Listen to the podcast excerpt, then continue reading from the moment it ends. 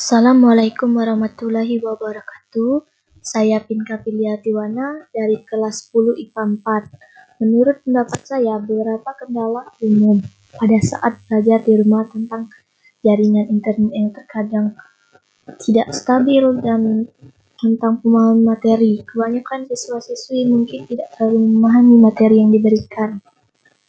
Dan harapan saya semoga ke depannya penjelasan materi yang diberikan diperjelas dan dipermudah supaya siswa-siswi bisa memahami materi yang diberikan tersebut. Sekian dari saya. Wassalamualaikum warahmatullahi wabarakatuh.